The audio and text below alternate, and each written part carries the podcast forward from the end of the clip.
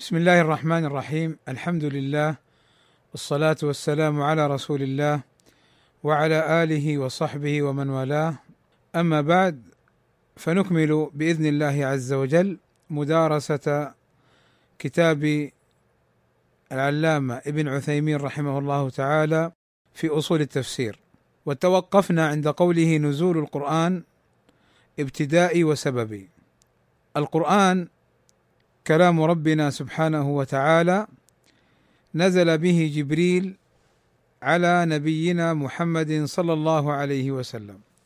وكان نزول جبريل عليه الصلاة والسلام بالقرآن إلى نبينا صلى الله عليه وسلم له صورتان أو حالتان.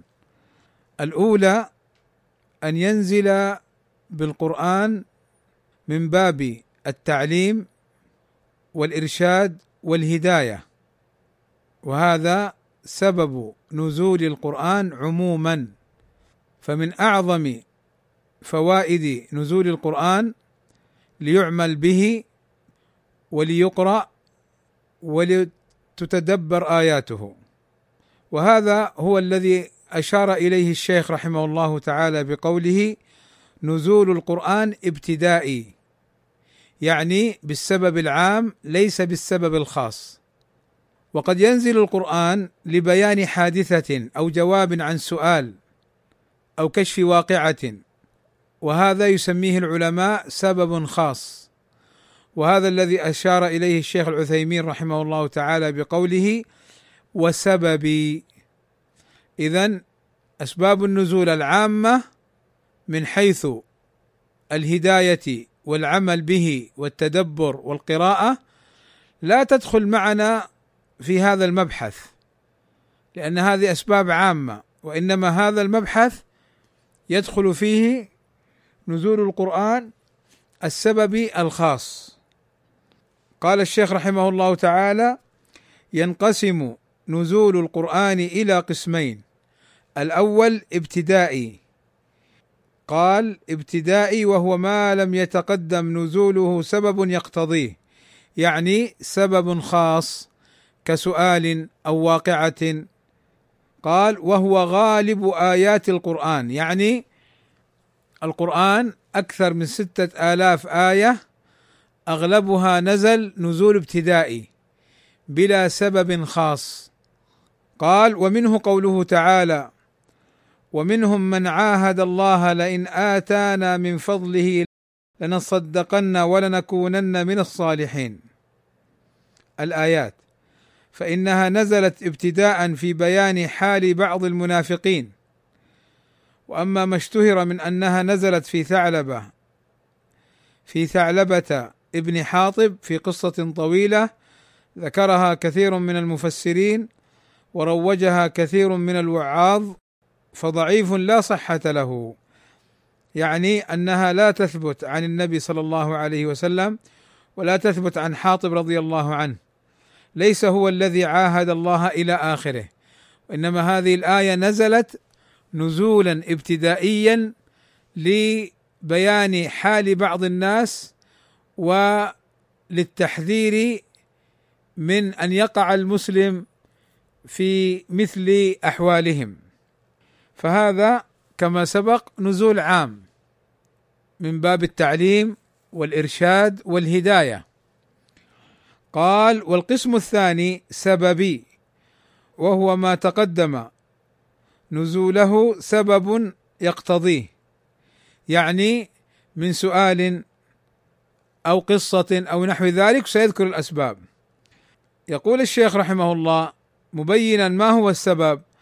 قال والسبب ألف يعني السبب أنواع.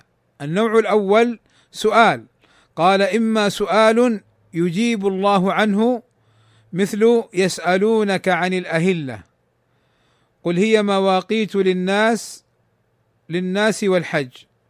فكانوا يسألون عن انتفاخ الأهلة فبين الله عز وجل أنه سبحانه وتعالى جعلها لمعرفة الأوقات إلى آخره. طيب إذا هذا السبب الأول. سؤال. السبب الثاني حادثة وقعت تحتاج إلى بيان وتحذير. حادثة يعني أمر وقع. أمر وقع وصدر من بعض الناس. فيبين الله عز وجل في آيات الموقف من هذا الأمر. والحكم لهذا الأمر. قال الشيخ أو حادثة وقعت تحتاج إلى بيان وتحذير مثل ولئن سألتهم ليقولن إنما كنا نخوض ونلعب. الآيتين نزلتا في رجل من المنافقين قال في غزوة تبوك في مجلس ما رأينا مثل قرائنا هؤلاء أرغب بطونا يعني يشير قبحه الله هذا المنافق إلى أنهم يأكلون كثيرا يعني يحبون الأكل.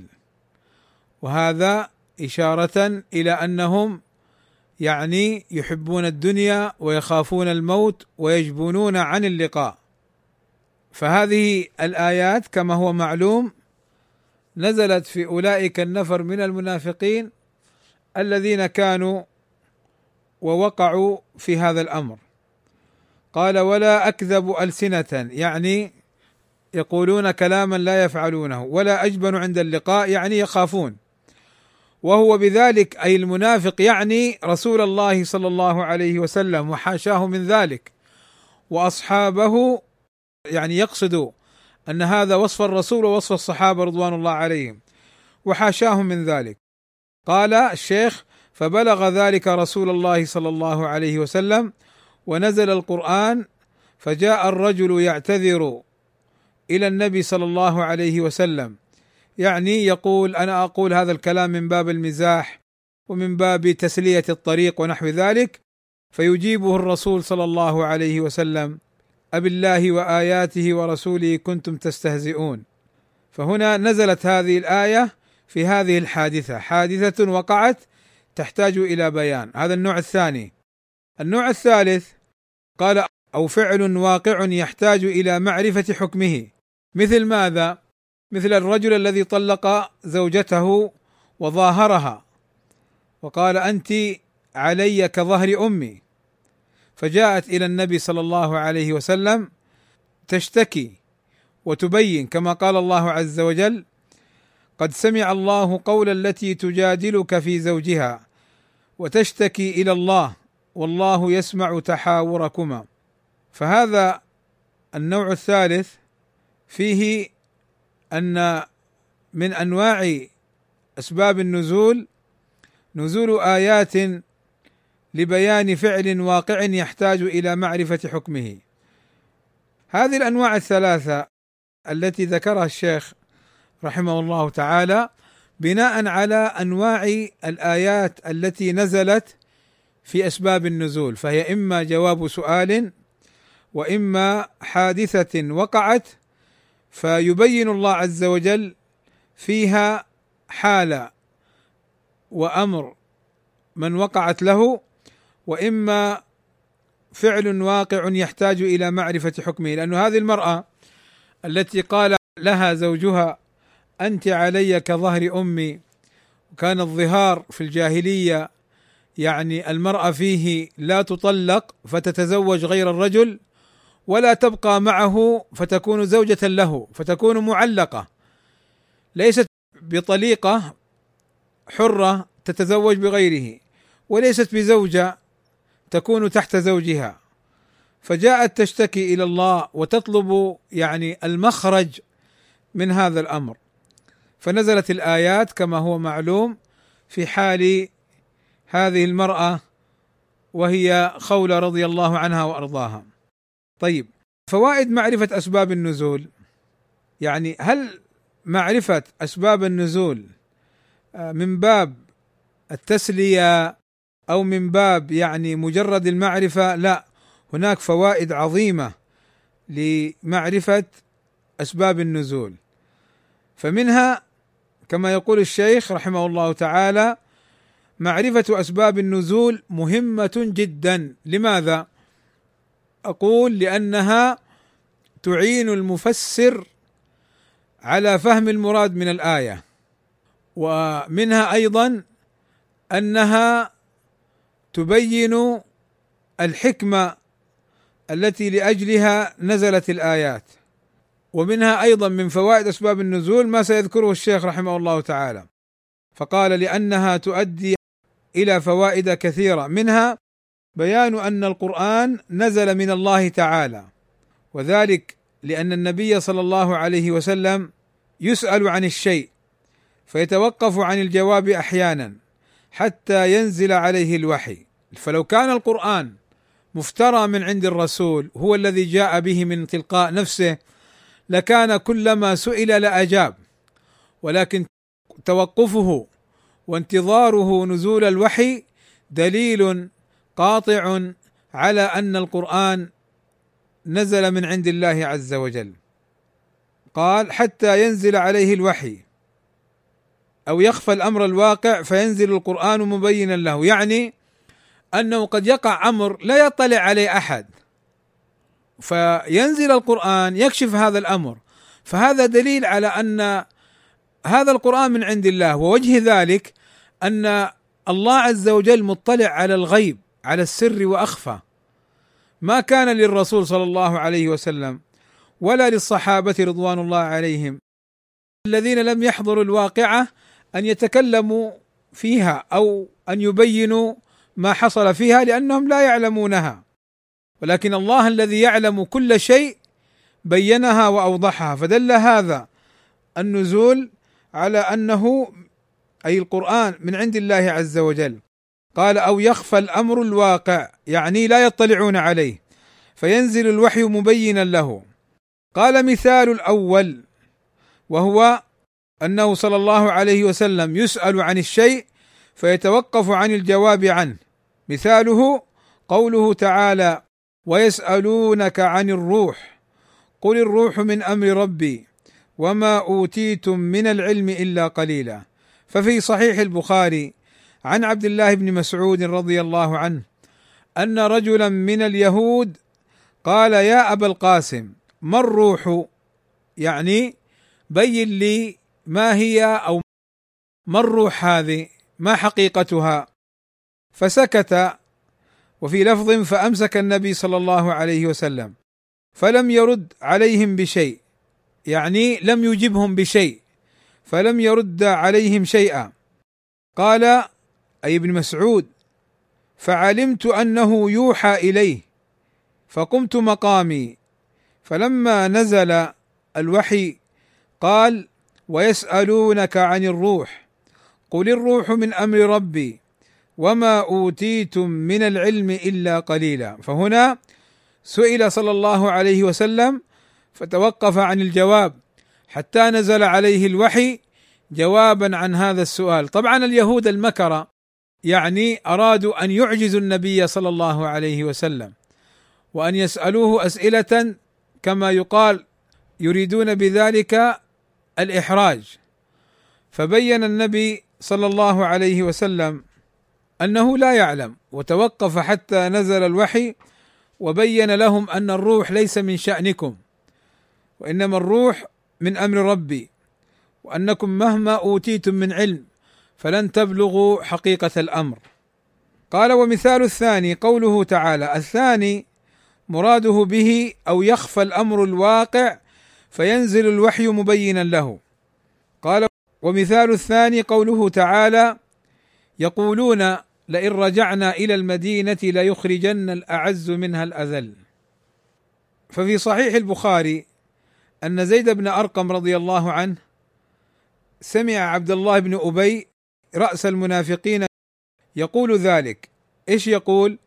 يقول لما نرجع المدينة ليخرجن الأعز وهم يعنون به أنفسهم المنافقين منها الأذل وهم يقصدون الصحابة والنبي صلى الله عليه وسلم وحاشاهم من ذلك. وهذه عادة المنافقين وعادة أهل الأهواء والبدع أنهم يرون أنفسهم هم الأفضل وهم الأحسن ويرون أهل السنة وأهل الحق هم الأذل وهم الذين ينبغي أن يكونوا منقادين لهم. ولذلك هنا مسألة ننبه عليها سريعا وهي أن المنافقين حالهم كحال أهل الأهواء وأهل الأهواء حالهم كحال المنافقين. كما ذكر ذلك بعض السلف.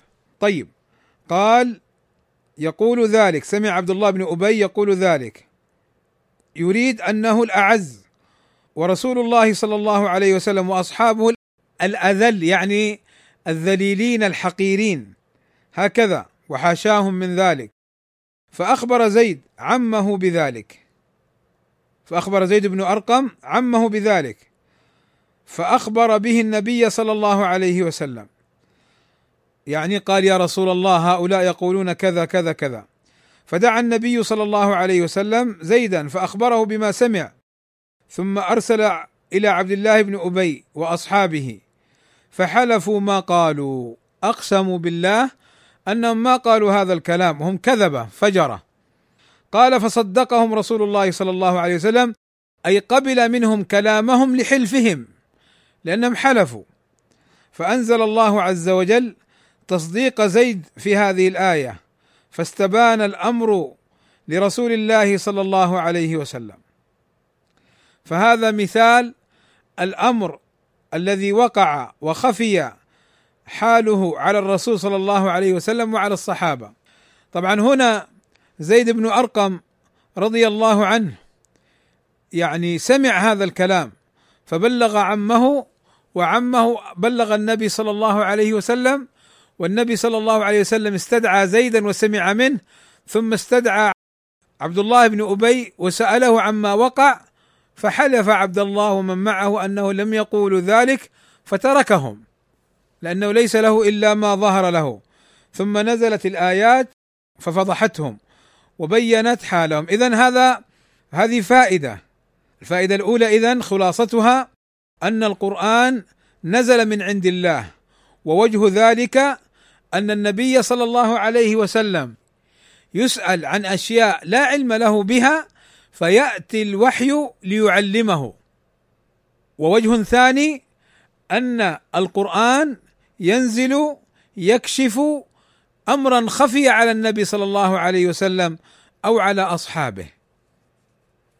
الفائدة الثانية بيان عناية الله تعالى برسوله صلى الله عليه وسلم في الدفاع عنه مثال ذلك قوله تعالى وقال الذين كفروا لولا نزل عليه القرآن جملة واحدة كذلك لنثبت به فؤادك ورتلناه ترتيلا. يعني الكتب السابقة كانت تنزل جملة. فقال الكفار يريدون أن يشككوا في القرآن. ليش القرآن نزل مفرق؟ لماذا لم ينزل جملة واحدة؟ قالوا هذا الكلام يريدون أن يقولوا فرق بين القرآن والكتب السابقة وهذا الفرق يدل على أنه ليس من عند الله. فنزلت الآيات لتثبيت فؤاد النبي صلى الله عليه وسلم. ردا عليهم بقوله كذلك أي أنزلناه مفرقا لنثبت به فؤادك. يعني لما تحصل الوقائع والأحداث العظام المحزنة والمصائب المؤلمة تنزل الآيات فيحصل لك بها اطمئنان. ولذلك إخواني بارك الله فيكم إن قراءة القرآن وتدبره في وقت العسر والحزن والمصائب أمر يعين على تثبيت الفؤاد وعلى الصبر وعلى إزالتها بإذن الله تعالى. قال كذلك لنثبت به فؤادك ورتلناه ترتيلا. قال وكذلك أي مثال آخر عناية الله عز وجل بالرسول صلى الله عليه وسلم آيات الإفك فإنها دفاع عن فراش النبي صلى الله عليه وسلم وتطهير له عن ما دنسه به الأفاكون أي الكاذبون والإفك هو شدة الكذب. فقد افترى وكذب بعض المنافقين على بعض أزواج النبي صلى الله عليه وسلم ورموهم بالعظام وهن براء من ذلك. وقد برأهن الله عز وجل من فوق سبع سماوات وبين أنهن طاهرات عفيفات شريفات رضي الله عنهن أجمعين. فهذا يعني فيه دفاع عن النبي صلى الله عليه وسلم وعناية به صلى الله عليه وسلم. ثلاثة من فوائد أسباب النزول ومعرفة الأسباب. بيان عناية الله تعالى بعباده في تفريج كرباتهم وإزالة غمومهم. مثال ذلك آية التيمم. ففي صحيح البخاري أنه ضاع عقد لعائشة رضي الله عنها وهي مع النبي صلى الله عليه وسلم في بعض أسفاره. فأقام النبي صلى الله عليه وسلم لطلبه وأقام الناس على غير ماء فشكوا ذلك إلى أبي بكر فذكر الحديث.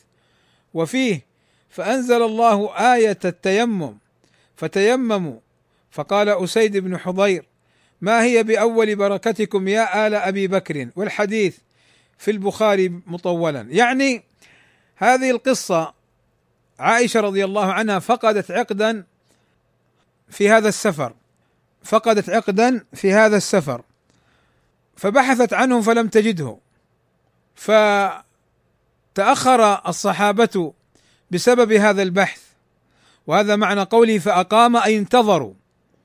ولما انتظروا وكانوا في طريقهم في سفر وليس معهم ماء ونفذ الماء فشكى الصحابة قلة الماء فنزلت آيات التيمم.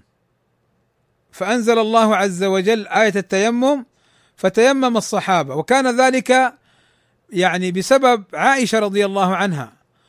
وهذا معنى قول أسيد رضي الله عنه ما هي بأول بركتكم؟ أي حصول خير ومنفعة؟ لأن الناس لو كان لا تصح صلاتهم إلا بالوضوء لشق عليهم عند فقد الماء الوضوء والصلاة. إذا لابد أن يأتوا بالماء.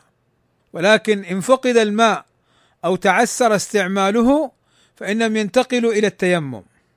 إذا هذه الفائدة الثالثة. الفائدة الرابعة بينها الشيخ رحمه الله تعالى بقوله فهم الآية على الوجه الصحيح لأن الآية أحيانا قد يفهم منها في ظاهر لفظها غير المعنى المراد كما وقع ذلك في قوله تعالى إن الصفا والمروة من شعائر الله فمن حج البيت أو اعتمر فلا جناح عليه أن يطوف بهما أن يطوف بهما اي يسعى بين الصفا والمروة. فإن ظاهر قوله فلا جناح عليه يعني فلا إثم عليه أن غاية أمر السعي بينهما أن يكون من قسم المباح. يعني ممكن أن لا يسعى بين الصفا والمروة. ولكن ليس هذا هو المراد. ففي صحيح البخاري عن عاصم بن سليمان قال سألت أنس بن مالك رضي الله عنه عن الصفا والمروة. قال كنا نرى أنهما من أمر الجاهلية يعني من العادات التي كانت في الجاهلية أنهم كانوا يسعون بين الصفا والمروة وكان على الصفا آلهة وأصنام تعبد وكان على المروة كذلك آلهة وأصنام تعبد من دون الله. فلما كان الإسلام أمسكنا عنهما يعني ما طافوا وما سعوا بين الصفا والمروة. فأنزل الله تعالى إن الصفا والمروة من شعائر الله. إلى قوله فلا جناح عليه أن يطوف بهما. وبهذا عرف وعلم أن نفي الجناح ليس المراد به بيان أصل السعي يعني أن السعي مباح وإنما المراد نفي تحرجهم وإمساكهم عنه حيث كانوا يرون أنهما من أمر الجاهلية من عادة أهل الجاهلية وعبادتهم للأصنام. وأما حكم السعي فقد تبين بقوله من شعائر الله يعني إن الصفا والمروة من شعائر الله. ولذلك الصحيح من قول أهل العلم أن السعي بين الصفا والمروة ركن من أركان الحج والعمرة. ولذلك جاء عن عن بعضهم وأظنه الزبير أنه قال لا حرج عن من لا يسعى بين الصفا والمروة. فبينت له عائشة رضي الله عنها أن قوله تعالى فلا جناح عليه أن يطوف بهما معناه أنه لا حرج من ذلك وإن كان من عادة الجاهلية. سابقا لكن الإسلام أقره لأنه من عادة أم إسماعيل حيث كانت تسعى بين الصفا والمروة طلبا للماء لولدها. فهنا لو فهم الواحد منا الآية على ظاهرها لفهم فهما خاطئا. ولذلك إخواني بارك الله فيكم هنا نقول دائما ونكرر مهم جدا فهم السلف مهم جدا فهم الصحابة رضي الله عنهم. لأنهم فهموا القرآن وفهموا التنزيل ولذلك يعتبر أهل الحديث وعلماء السنة أن تفسير الصحابة للقرآن يكون له حكم الرفع لأنهم تلقوه عن النبي صلى الله عليه وسلم. طيب فهم العلماء بعد الصحابة هل هو ملزم بمعنى يعامل أنه ما تفهم إلا بفهم العلماء؟ لا. فهم العلماء يستدل له ولا يستدل به. فهم العلماء يستفاد منه ويستأنس به ولا يعتبر قولا معتمدا مطلقا هكذا. ولذلك إخواني لابد أن نفهم هذه المسألة. لابد أن نفرق بين فهم السلف هذا أمر لازم. فهم الصحابة إذا لم يختلفوا وإذا اختلفوا تخيرنا من أقوالهم. وأما من بعد الصحابة فإننا نستفيد من أقوالهم بدليله. وأما من يجعل أقوال العلماء حجة بذاتها من حيث هي وأعني بالعلماء من بعد الصحابة فهذا خطأ بل بدعة من القول. فالعلماء يستدل لقولهم وفرق بين احترامهم وتقديرهم وبين قبول قولهم مطلقا. قبول قولهم مطلقا تقديس لهم. إعطاؤهم منزلة الصحابة في فضلهم ومكانتهم من حيث قبول القول. هذا خطأ. ولذلك يخطئ كثير من الشباب في هذه المسألة. بل ووقعوا في الخطأ. واخطاء بسبب تقديسهم لأقوال العلماء.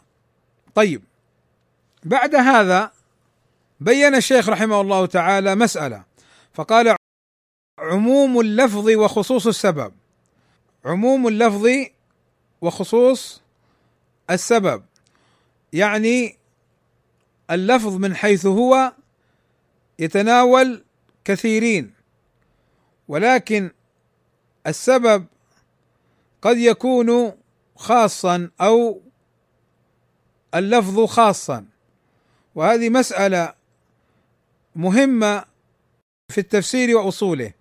فيقول الشيخ رحمه الله تعالى إذا نزلت الآية لسبب خاص ولفظها عام كان حكمها شاملا لسببها ولكل ما يتناوله لفظها لأن القرآن كان نزل تشريعيا عاما لجميع الأمة فكانت العبرة بعموم اللفظ لا بخصوص السبب. مثال ذلك آيات اللعان وهي قوله تعالى والذين يرمون أزواجهم ولم يكن لهم شهداء إلا أنفسهم الآية إلى قوله إن كان من الصادقين إلى قوله والذين يرمون أزواجهم ففي صحيح البخاري من حديث ابن عباس رضي الله عنهما أن هلال بن أمية قذف امرأته عند النبي صلى الله عليه وسلم. يعني قال إن زوجته زنت وهذا هو معنى قوله قذف. فقال النبي صلى الله عليه وسلم البينة يعني شهودك أو اعترافها أو حد في ظهرك حد القذف. فقال من الحد طيب هلال بن أمية رضي الله عنه قذف زوجته والنبي صلى الله عليه وسلم طلبه بالبينة ولم يكن حينها نزل حكم اللعان بين الزوجين فحينها إما أن يثبت بالبينة أنها زنت والبينة شهود أربع أو اعترافها أو حد حد القذف لأنه رماها بالزنا. فنزل جبريل عليه الصلاة والسلام بالآيات التي جاءت في اللعان. في سورة النور والذين يرمون أزواجهم ولم يكن لهم شهداء إلا أنفسهم. فهذه الآيات نزلت بسبب قذف هلال بن أمية لامرأته. لكن حكمها شامل له ولغيره بدليل ما رواه البخاري من حديث سهل بن سعد. رضي الله عنه أن عويمر العجلاني جاء إلى النبي صلى الله عليه وسلم فقال يا رسول الله رجل وجد مع امرأته رجلا أيقتله فتقتلونه؟ أم كيف يصنع؟ فقال النبي صلى الله عليه وسلم: قد أنزل الله فيك وفي صاحبتك أي زوجتك. فأمرهم رسول الله صلى الله عليه وسلم بالملاعنة بما سمى الله في كتابه فلاعنها. الحديث. فجعل النبي صلى الله عليه وسلم حكم هذه الآية شاملا لهلال بن أمية وغيره. يعني الآية نزلت في هلال بن أمية. فهل يفهم منها أنها خاصة بهلال بن أمية أم يدخل فيها من كان في مثل هلال بن أمية كما وقع لعويمر العجلاني رضي الله عنهم أجمعين؟ لا العبرة بعموم اللفظ لا بخصوص السبب. هذا معنى. ومعنى آخر أيضا يذكره العلماء في هذه القضية وهي على سبيل المثال في قول الله عز وجل قد سمع الله قول التي تجادلك في زوجها وتشتكي إلى الله إلى قوله سبحانه وتعالى إلى أن قال سبحانه وتعالى الذين يظاهرون منكم من نسائهم ما هن أمهاتهم. طيب الآيات هذه نزلت في من قال لزوجته أنت علي كظهر أمي. طيب لو قال أنت علي كظهر ابنتي. أنت علي كظهر خالتي. أنت علي كظهر عمتي. من المحرمات التحريم أبدي. حرمت عليكم أمهاتكم وبناتكم إلى آخره. هل يأخذ نفس الحكم؟ الجواب نعم. طيب الآية نزلت في من قال أنت علي كظهر أمي. نقول العبرة بعموم اللفظ لا بخصوص السبب. طيب لو قال أنت علي كبطن أمي كيد أمي كرجل أمي نقول نعم نفسه كالظهار. والظهار سمي ظهارا لأنه الغالب أن يشبه بالظهر. من الظهر ظهر الأم أو ظهر البنت أو نحو ذلك لأن الرجل لأن المسلم محرم عليه هذا الأمر. فهنا أيضا نقول العبرة بعموم اللفظ لا بخصوص السبب. اذا هذه بعض الفوائد المستفاده من أسباب النزول. معرفة أن القرآن نزل من عند الله عز وجل تثبيت فؤاد النبي صلى الله عليه وسلم والدفاع عنه والعناية به العناية بالمسلمين فهم القرآن والمعنى المراد به. ولذلك انظروا بارك الله فيكم إلى ابن عمر رضي الله عنه لما قال في الخوارج بأنهم عمدوا إلى آيات نزلت في الكفار فحملوها على المؤمنين. يعني فسروها وجعلوا المعنى المراد بها المؤمنين فكفروا المؤمنين. ولذلك معرفة سبب النزول أمر مهم. الخوارج يكفرون الحكام بعموم قوله تعالى ومن لم يحكم بما أنزل الله فأولئك هم الكافرون لكن ما فهموا فهم السلف. أما قال ابن عباس كفر دون كفر وفسق دون فسق وظلم دون ظلم ولذلك إخواني بارك الله فيكم ينبغي لنا أن نهتم بهذا الأمر وأن لا نعمل بعقولنا وأن لا نتبع أهواءنا وإنما السنة اتباع الكتاب والسنة على فهم السلف الصالح رضوان الله عليهم بهذا النجاه وبهذا الفوز وبهذا الاستقامة. فكثير من المشاكل وكثير من الأمور سببها أن هؤلاء يعملون بأهوائهم وعقولهم وما تمليه عليه أنفسهم الدنيئة. فآذوا المسلمين وفرقوهم وآذوا السلفيين وامتحنوهم إلى آخره. أسأل الله عز وجل أن يهديهم إلى السنة أو أن يكفينا شرهم بما شاء. إخواني في ختام هذا اللقاء أسأل الله عز وجل أن يرحم شيخنا العلامة حسن ابن عبد الوهاب البنا وأن يتقبله في الصالحين فإن لله ما أخذ وله ما أعطى وكل شيء عنده بأجل مسمى. فنسأله سبحانه وتعالى أن يغفر له وأن يرحمه وأن يتقبله وأن يرزقنا الصبر على فراق العلماء وأن يعوض الأمة خيرا فيما أصابهم. فنعم الرجل كان عبادة وصلاحا وعملا وتقوى. نحسبه كذلك والله حسيبه ولا نزكي على الله أحدا. وفقد العلماء إخواني يحثنا ويحفزنا ويرغبنا في طلب العلم. والاستزاده منه. فإن الله لا يقبض العلم ولا ينتزعه انتزاعا من صدور العلماء ولكن يقبض العلم بقبض العلماء. فإذا مات العلماء ولم يؤخذ عنهم العلم ظهر الجهل وعم البلاء.